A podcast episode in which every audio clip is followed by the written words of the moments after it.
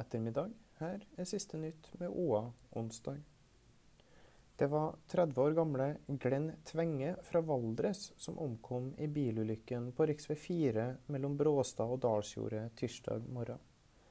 Årsaken til ulykken er ennå ikke fastslått, men politiet har en formening om hva som har skjedd.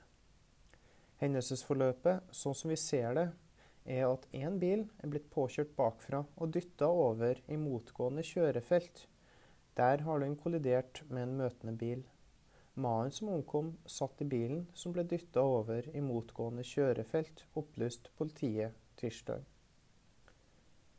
De nye inntaksreglene på videregående kan bli justert. Tore Gregersen, Innlandets kommende kompetanse- og tannhelsesjef, forteller at det på Gjøvik-sida jobbes med å kvalitetssikre reisetid til skolene opp mot rutetida på kollektivtrafikken. Vi kan allerede se at denne gjennomgangen vil medføre noen justeringer med hensyn til hva som er nærskole. Når vi har ferdigstilt det, skal vi ha en dialog med politikerne for å være sikre på at den geografiske inndelinga ikke får noen uønska effekter, forteller Tore Gregersen. De nye inntaksreglene for videregående skoler provoserer Høyre-politiker Vegard Riseng. Hadde jeg skulle ha søkt videregående neste år, hadde jeg blitt skikkelig forbanna. Postnummer er laga for å sortere post, ikke elever, sier Riseng, som mener ordninga er absurd og varsler omkamp. Tusenårstreet er felt.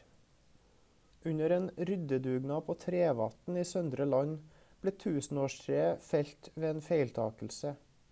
Bygdefolket har reagert på hendelser, og mange synes det er trist.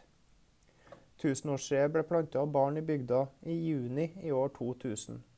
Det første treet knakk under et arrangement i parken for flere år siden, mens erstatteren ble sagd ned ved en feiltakelse under en dugnad nå i høst. Det er fortsatt usikkert om det vil planta et nytt tre eller ikke. Det vil bli tema for styret ganske snart, og vi må finne ut om vi skal plante et nytt tre i høst, eller vente til våren. Vi må også drøfte hva slags tre det skal være, og hvor stort tre det lar seg gjøre å plante, sier Lars Bjerke, leder i Trevatn velforening til Oppland Arbeiderblad. Les om det her og andre ting på oa.no. Der kan du holde deg oppdatert på siste nytt gjennom dagen.